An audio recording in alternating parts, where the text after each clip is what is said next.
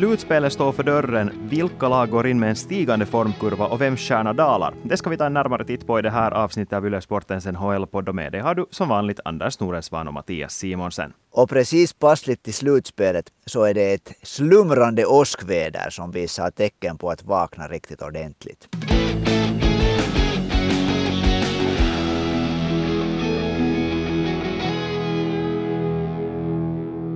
Vi måste ändå börja det här avsnittet med att hylla två legendarer som har gått ur tiden. New York Islanders legendariska målspruta Mike Bossy och Montreal Canadiens stora nummer 10 Gila Fleur. De dog båda förra veckan. Och Anders, jag vet att det här är två spelare som du har haft väldigt stor respekt för. No, jo, alltså det är, ju, det är ju det där, ska vi säga, det är två spelare som på ett sätt symboliserar den här perioden egentligen mellan Bobby Orr som var världens bästa spelare och Wayne Gretzky som blev världens bästa spelare. Mellan Bobby Orrs epok och Wayne Gretzkys epok så var det Gila Flö först och sen Mike Bossy som var de största ishockeyspelarna i världen. Eller åtminstone i NHL kan man säga. Och de symboliserar också en sån här period som när Gila Flö i tiderna kom till NHL 1971 så var det en sluten värld som man inte egentligen visste någonting om, speciellt inte i Finland. Man, man kunde ju inte se och inte följa med det. Och när han det där sen satt skridskorna på hyllan 1991 efter att ha varit emellan borta där några år så då var ju NHL en serie som man till och med följde med helt aktivt på daglig nivå i, i Finland också. Så det var liksom, det är sådana här symboler för en sån här period från, som NHL förändrades. Och de var också Montreal Canadiens var NHLs bästa lag med fyra raka Stanley Cup-titlar 1970-79. Genast därefter tog New York Islanders över med fyra raka titlar före det sen blev Edmontons tid. Och då var Gila Flö den största stjärnan i Montreal och sen Mike Bossy den största stjärnan i New York Islanders. Att båda nu går bort, båda av samma orsak, båda med lungcancer. Båda var faktiskt också kedjerökare under åtminstone perioder av sina liv. Gila var 70 år, Mike Bossy 65. De var sin tids största ishockeyspelare, vilket man lätt glömmer när det har kommit så många andra stora namn och de är som sagt omringade av Bobby Orr och Wayne Gretzky. Mm. Men vi går vidare till veckans stora samtalsämne. Vem går in i slutspelet med högt självförtroende? Eh, för vi fick in en fråga som fick oss att tänka på det här. Jonas ville veta vilka lag med låga odds att gå långt har störst risk att floppa. Och för att svara på det här så måste vi kanske ändå börja med att ta ut det hetaste laget, för då får vi också svaret på den här frågan. Just nu så ser det nog ut som att dubbla Stanley Cup-mästaren Tampa Bay Lightning verkligen har fått igång sitt spel. De har inom en vecka nu först klubbat Toronto Maple Leafs med 8-1 och sen Florida Panthers med 8-4. Ja, alltså det är alldeles otroliga siffror. Det fanns ju kanske lite sådana farhågor bland alla andra lag att Tampa Bay eh, på något sätt har varit lite sovande, lite sådär spela med halv maskin hela säsongen, för att de har ju inte, om man tittar på grundserien, så har de inte varit lika bra helt enkelt som just till exempel Florida Panthers, trots att de ännu i fjol, tycker jag åtminstone, var, var flera steg före dem.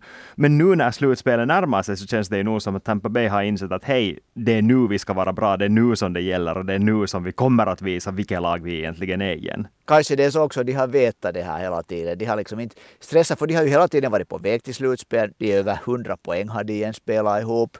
Och gjorde ganska, tycker jag, bra uh, trade här när det, när det var när, inför när transferfönstret stängdes. Till exempel en spelare som har lyckats helt otroligt bra nu är Nick Paul som de fick över från Ottawa som var med då förra våren faktiskt och avgjorde VM-guldet i Kanada. Nick Paul är nu eh, center i den här tredje kedjan som har varit så viktig för Tampa de senaste två åren. Det ser ut som de igen skulle få en tredje kedja som blir fruktansvärt bra, det där svårt att tas med. Ja, vi, alla som har lyssnat på den podden minns vad jag tyckte om deras pris åtminstone som de betalar för de här spelarna före trade deadline. Men alltså resultaten talar för sig. Tampa Bay Lightning är just nu kanske ändå det formstarkaste laget, trots att Florida Panthers har vunnit otroligt många matcher. Deras segersvit är otroligt imponerande, men sättet som Tampa Bay satt punkt för den segersviten är kanske ännu mer imponerande. Och då kommer vi fram till svaret på den här frågan. För om vi tar lagen med lägsta odds att gå långt, så ska det ju ändå vara så att Toronto Maple Leafs är ett av de lagen som hör till favoriterna i den östra konferensen. Och nu kommer det ju att gå så att Toronto ställs mot Tampa Bay redan i den första omgången. så ser det ut. Tvåan och trean i, i Atlantic ställs mot varandra och mycket ska till om inte Tampa Bay är trea. Toronto kommer att vara tvåa. Och, så då blir det alltså Leafs mot, mot Lightning, mot Bolts. Inte vet jag, har, har du någon, kan du komma med någon teori hur Toronto ska klara det här? Nej, jag tror inte att de kommer att göra det. Alltså ja, om, om Tampa Bay skulle ha varit lite sådär i dvala fortfarande när slutspelet körde igång, att de inte skulle ha fått sådana här resultat som de har fått den senaste tiden, så då skulle jag faktiskt kunna säga att Toronto Maple Leafs har alla lag att slå ut dem, att det här är ett lag som uppenbart är mätta. De har vunnit två titlar på raken, det finns inte mera den där sammanglöden där, och det är helt förståeligt. När man har vunnit två titlar på raken så, så blir det helt enkelt så att man inte riktigt kämpar med samma frenesi. Men jag tror helt enkelt inte att den här frenesin, oavsett om den nu finns i Tampa Bay eller inte, det att de har tagit de här segrarna, eh, vi ska ju fortfarande minnas, det här är slutet på grundserien. Det här är matcher som egentligen inte har så jättestor betydelse, förutom då kanske att det handlar om stormvarningar, bokstavligen i Tampa Bay Lightnings fall, inför slutspelet eh, så jag tycker inte att man ska dra helt för långa slutsatser på basis av det här, men samtidigt känner jag inte att Toronto Maple Leafs är det lag som har den frenesin som krävs för att slå ett Tampa Bay Lightning som alldeles bevisligen är i storslag. Och just, och ska vi säga, just det här, jag tror den stora skillnaden, alltså Toronto har ju, har ju nog ett antal riktigt bra spelare, det måste man säga. Men när det här på något underligt sätt ser det här Tampa Bay-laget igen så otroligt jämn bra ut. Steven Stamkos spelar kanske sin bästa hockey någonsin för tillfället. Nikita Kucherov är lysande. Alex Killorn är en av de absolut bästa slutspelsspelarna i hela NHL och sen har vi då till exempel Victor Hedman där. jag tror att, liksom att hur det där Toronto ska komma över den här mentala tröskeln när de ställs mot Tampa som har framför sig det där att de kan bli historiska. De kan bli första lag sen New York Islanders faktiskt att vinna tre titlar i, i sträck och det tror jag nog att motiverar dem jättemycket. Mm.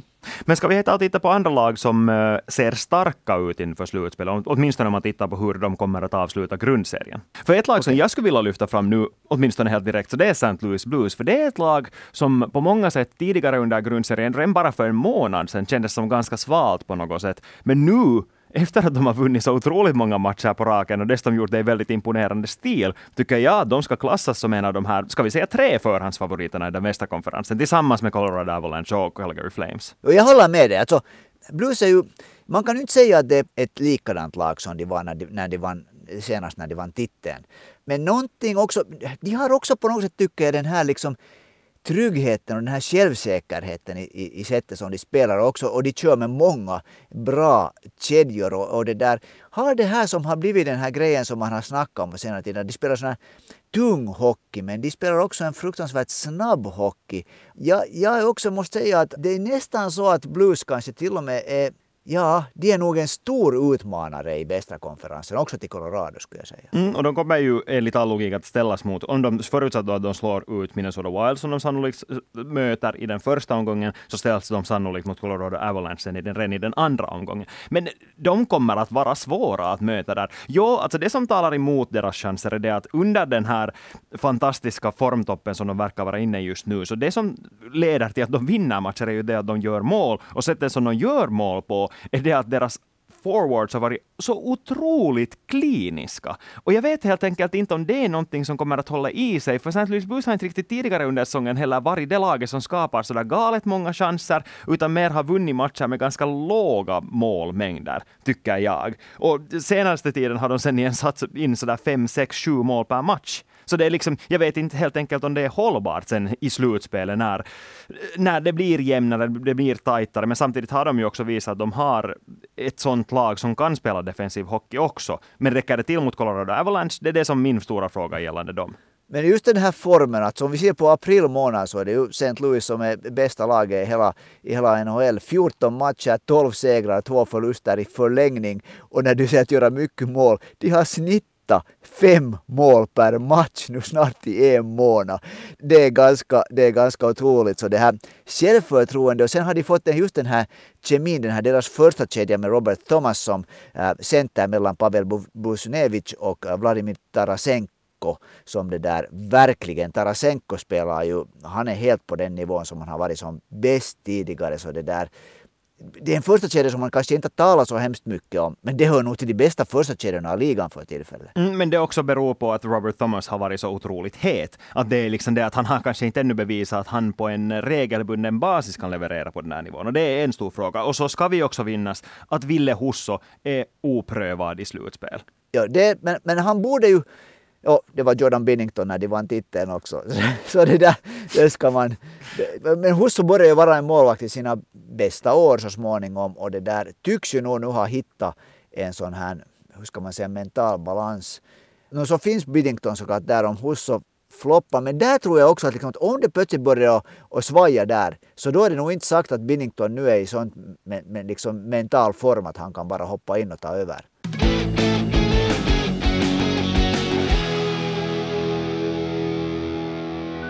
Men hej, vi tar och fortsätter svara på frågan som ju faktiskt var vilka lag som kan floppa. Vilka andra lag skulle du lyfta fram som har en lite svajig form för tillfället? No, vi kommer ju inte ifrån att ett, ett lag som följs nu mycket noga med i Finland, Carolina Hurricanes, inte har varit så fruktansvärt övertygande här de senaste veckorna, fast de nu har vunnit, de har väl vunnit fyra matcher i sträck tror jag, men det där Carolinas form är nog, tycker jag, lite bekymrande om man är, om man är till exempel Carolinas coach. Jo, och jag skulle vilja säga att de här segrarna som de har tagit den senaste tiden, så där är ju motståndare som New Jersey Devils, New York Islanders, lag som redan, redan länge har varit avsågade från slutspelet. Det, det känns som att en segersvit mot sådana lag i det här skedet av säsongen inte väger värst tungt. Och så har de ju också haft målvaktsstrul, riktigt rejäl skrämselhicka i den här matchen mot Islanders när Antti Ranta tvingades utgå med en skada. Nu är de senaste uppgifterna att den här, framförallt Rantas skada, inte alls ska vara allvarlig. Han förväntas vara tillbaka redan eh, nu när vi bandar in det här, alltså vi bandar in det här på en tisdag, tisdag kväll amerikansk tid är förväntningen att han till och med ska kunna vara tillbaka. Fredrik Andersen, enligt The Athletic som hänvisar till insatta lagkällor, så väntar sig Carolina att Fredrik Andersen ska vara tillbaka när slutspelet kör igång. Så den här målvaktsfrågetecknet verkar åtminstone just nu vara ett icke-frågetecken. Men sen är ju förstås en fråga som man ändå måste ställa sig att hur bra skick är de i faktiskt när slutspelet kör igång? Man, man vet ju, spelarna spelar skadade, tänjer de på sina gränser lite väl mycket. Mm. Och den här målvakten, det är ju nog en fullständig mardröm för Carolina om inte målvaktsspelet nu funkar. För det, var, det, var, det talades förra säsongen, de behöver målvakter som de kan lita på. Uh, de tog in en, en där duo som, som på pappret ser jättebra ut. Samtidigt så var det också hela tiden sagt att kom ihåg att både Fredrik Andersen och Antti Ranta har haft grymma problem med skador under sin, sin karriär. Så om det nu liksom detonerar en sån här skadebomb och de sitter där plötsligt med Piotr Kochetkov som har spelat två NHL-matcher så här långt i sin karriär som ska bära dem vidare i slutspelet. Så där är nog att de måste ju nog verkligen, verkligen hoppas på att det där på att Ranta och Andersen, någon av dem åtminstone, helst båda två, i spelskick, för annars blir det nog en mardröm för Carolina. Mm. För det, det, som vi ju redan har slagit fast och det som vi kan fortsätta slå fast är ju det att det här, redan den första omgången i den östra konferensen kommer att bli så oerhört jämn att oavsett vem det är som de ställs mot, oavsett om de vinner Metropolitan och möter någon wildcard-lag, så kommer det att vara ett jättebra lag som står för det här motståndet. Att ren sådana små detaljer. Så man kan tycka att jo, Carolina är ett lag som försvarar på ett sätt som gör livet väldigt lätt för uh, målvakterna. Men oavsett så vill du ändå ha en vinnande målvakt där. Du kan inte lita på det att du som lag hjälper en oerfaren målvakt tillräckligt mycket. Du vill verkligen ha Andersen i toppskiktet. Du vill ha Ranta på bänken och veta att du kan slänga in honom vid behov. Det, det är helt enkelt någonting som Carolina måste ha, känns det som, för att gå ens förbi den första omgången. Nej, och så vet vi hur allt är liksom kopplat till varandra här. Att det, det, det som Carolina spelar sitt spel, så de gör det ju också för de har, liksom, de har den där tryggheten att på något sätt, de, själv, de, de, har en självsäkerhet att de har en bra målvakt och det kan ju hända att, att det också påverkar helt enkelt det sättet som de sen spelar sitt eget försvarsspel om de har en målvakt som de är, som de är det där oroliga för att, att palla han för trycket. Det kanske, de börjar kanske, hur ska man säga, överspela sen liksom tappar det där vissa flytet i sitt spel som de har haft så bra. Men om vi går vidare till den västra konferensen där det också finns lag som har varit svajiga den senaste tiden, så vill jag nog lyfta fram Edmonton Oilers. För ja, efter att Jay Woodcroft tog över så har de varit ett av ligans absolut bästa lag. Men sen, alla som såg den här matchen som sändes på Yles kanaler på söndagen mot Columbus Blue Jackets, en match som Edmonton borde ha vunnit så en, hur enkelt som helst. Jag menar, i den föregående matchen före det slog de Colorado Avalanche med 6-3 ett Columbus Blue Jackets som dessutom saknar Zach Werenski, Patrick Laine och Boone Jenner ska inte vara ett motstånd för dem. Och ändå tappar de allt i den där matchen och tappar eh, konceptet, tappar humöret, tappar ivern att spela, delar ut fula tacklingar, försöker slåss efter tacklingar som inte egentligen är fula överhuvudtaget eller ens hårda. Det, det, var bara en insats av ett lag som så verkar som att de har gett upp. Och det här är ett lag som går in i slutspelet som tvåa i Stilla havsdivisionen. Men nu får du nog lite utvidga det där över att du tycker att de är svajiga, för att av sina elva senaste matcher har de vunnit åtta och bara förlorat två på ordinarie speltid. 77,3 eh, liksom poängprocenten. Så att det där, inte är det nu sådär fruktansvärt svajigt. Nej, nej men det, det var jag menar, att den här matchen är ett tecken på att det där gamla djuprotade systemet i Edmonton fortfarande finns där. En, ett, det här är ett lag där de största stjärnorna i Conor McDavid och Leon Draisaitl kan tappa humöret och sen kommer det där laget ingen vart. Och jag tror att, nu talar vi ändå om ett slutspelsserie där de kommer att ställas mot, så som det ser ut just nu, Los Angeles Kings. Och Kings är ju, nej, inte kanske världens bästa lag, men ändå ett lag som har förmågan att reta upp sina motståndare när de spelar på ett riktigt jävligt sätt, om vi använder ett sant ord. Att, jag tror att Kings har en liten överraskningspotential där, i och med att Edmonton har visat sig att den här ryggraden knäcks ganska lätt och inte kanske en så liten. Det, där. Det, det är nog sant, det finns också mycket historia mellan Los Angeles och Ed, Edmonton. Det, där. Det, som jag, det som jag skulle vara jätteorolig för också, för att gå ta samma tema som i Carolina. Nu har ju Mike Smith varit, varit Edmontons första målvakt här under de senaste veckorna och har gjort det jättebra. Jag skulle inte lita på att Mike Smiths det där form håller i sig när det, när det, när det vankas slutspel och det är matcher hela tiden och han var han 39 år gammal för tillfället. Och nu har man igen Mikko Koskinen som jag tycker att har gjort en bra säsong i sin helhet. Så plötsligt har man, tycker lite har man bara liksom puffat honom lite åt sidan för man vill visa liksom att Mike Smith är vår kille. Jag vet inte om det här är ett helt bra äh, sånt här liksom psykiskt läge att gå in i slutspelet med. Nej, det håller jag med om. Men eh, samtidigt så, när du nu kritiserar mig för att kritisera Edmonton för att vara svajiga, så tycker jag, tänker jag kritisera dig för att kritisera Mike Smith, för han har ju varit jättestark i de här matcherna som han har spelat sen han kom tillbaka från sin skada. Att Mikko Koskinen har ju varit klart, inte ska jag säga att han har varit dålig, men han har ändå varit sämre än Smith den här senaste tiden. Under den tiden som Oilers har spelat bra, så jag tycker att det är ganska självklart att de går in i slutspelet med honom som etta. Och samtidigt tror jag också att Koskinen är en sån kille att han kan hoppa in och ta över som målvaktsetta om det skulle behövas. Och jag tror inte att det är det som det kommer att falla på, utan det kommer att falla på, om det faller på någonting, så är det igen på Conor McDavid och Leon Draisaitl. Så är det bara. Det är, det där, alltså, no, de måste ju prestera. Om man har två killar som, som det där McDavid och Dreisaitl ska gå långt i slutspelet, så de bästa spelarna måste vara som bäst när det gäller som mest, det vet vi alla.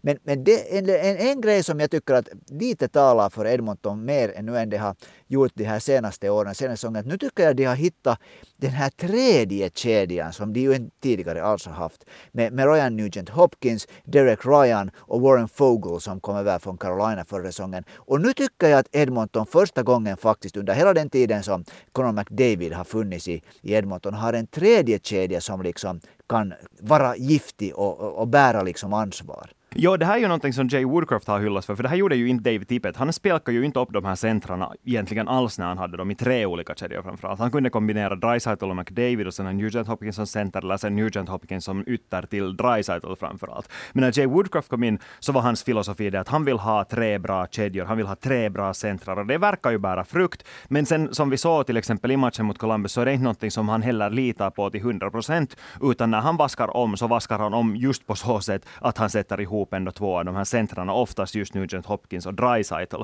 Och om det är, ett, det är någonting som han faller tillbaka på, så är det där också en fördel som ganska snabbt rinner ut i sanden, också i en slutspelsserie. En, ännu en grej, om, om nu det där då kanske, kanske kan säga att, att det finns en potential för att Edmonton har ett målvaktsspel som håller den här, det här slutet. Ja, det är tillräckligt bra. Så det där, däremot så tycker jag att, att backspelet, backtruppen inte övertygar för Edmonton. Där, där är också någonting som jag, jag undrar hur de klarar sig eh, sen när det blir ordentligt tryck om man kommer så långt mot sådana lag. Los Angeles kanske inte är det laget som förmår, förmår liksom riktigt stressa den här backtruppen men mot, sen när det börjar gå riktigt fort undan och med, med toppforwardar så kan det nog bli, tycka är fruktansvärt tungt för de här backarna.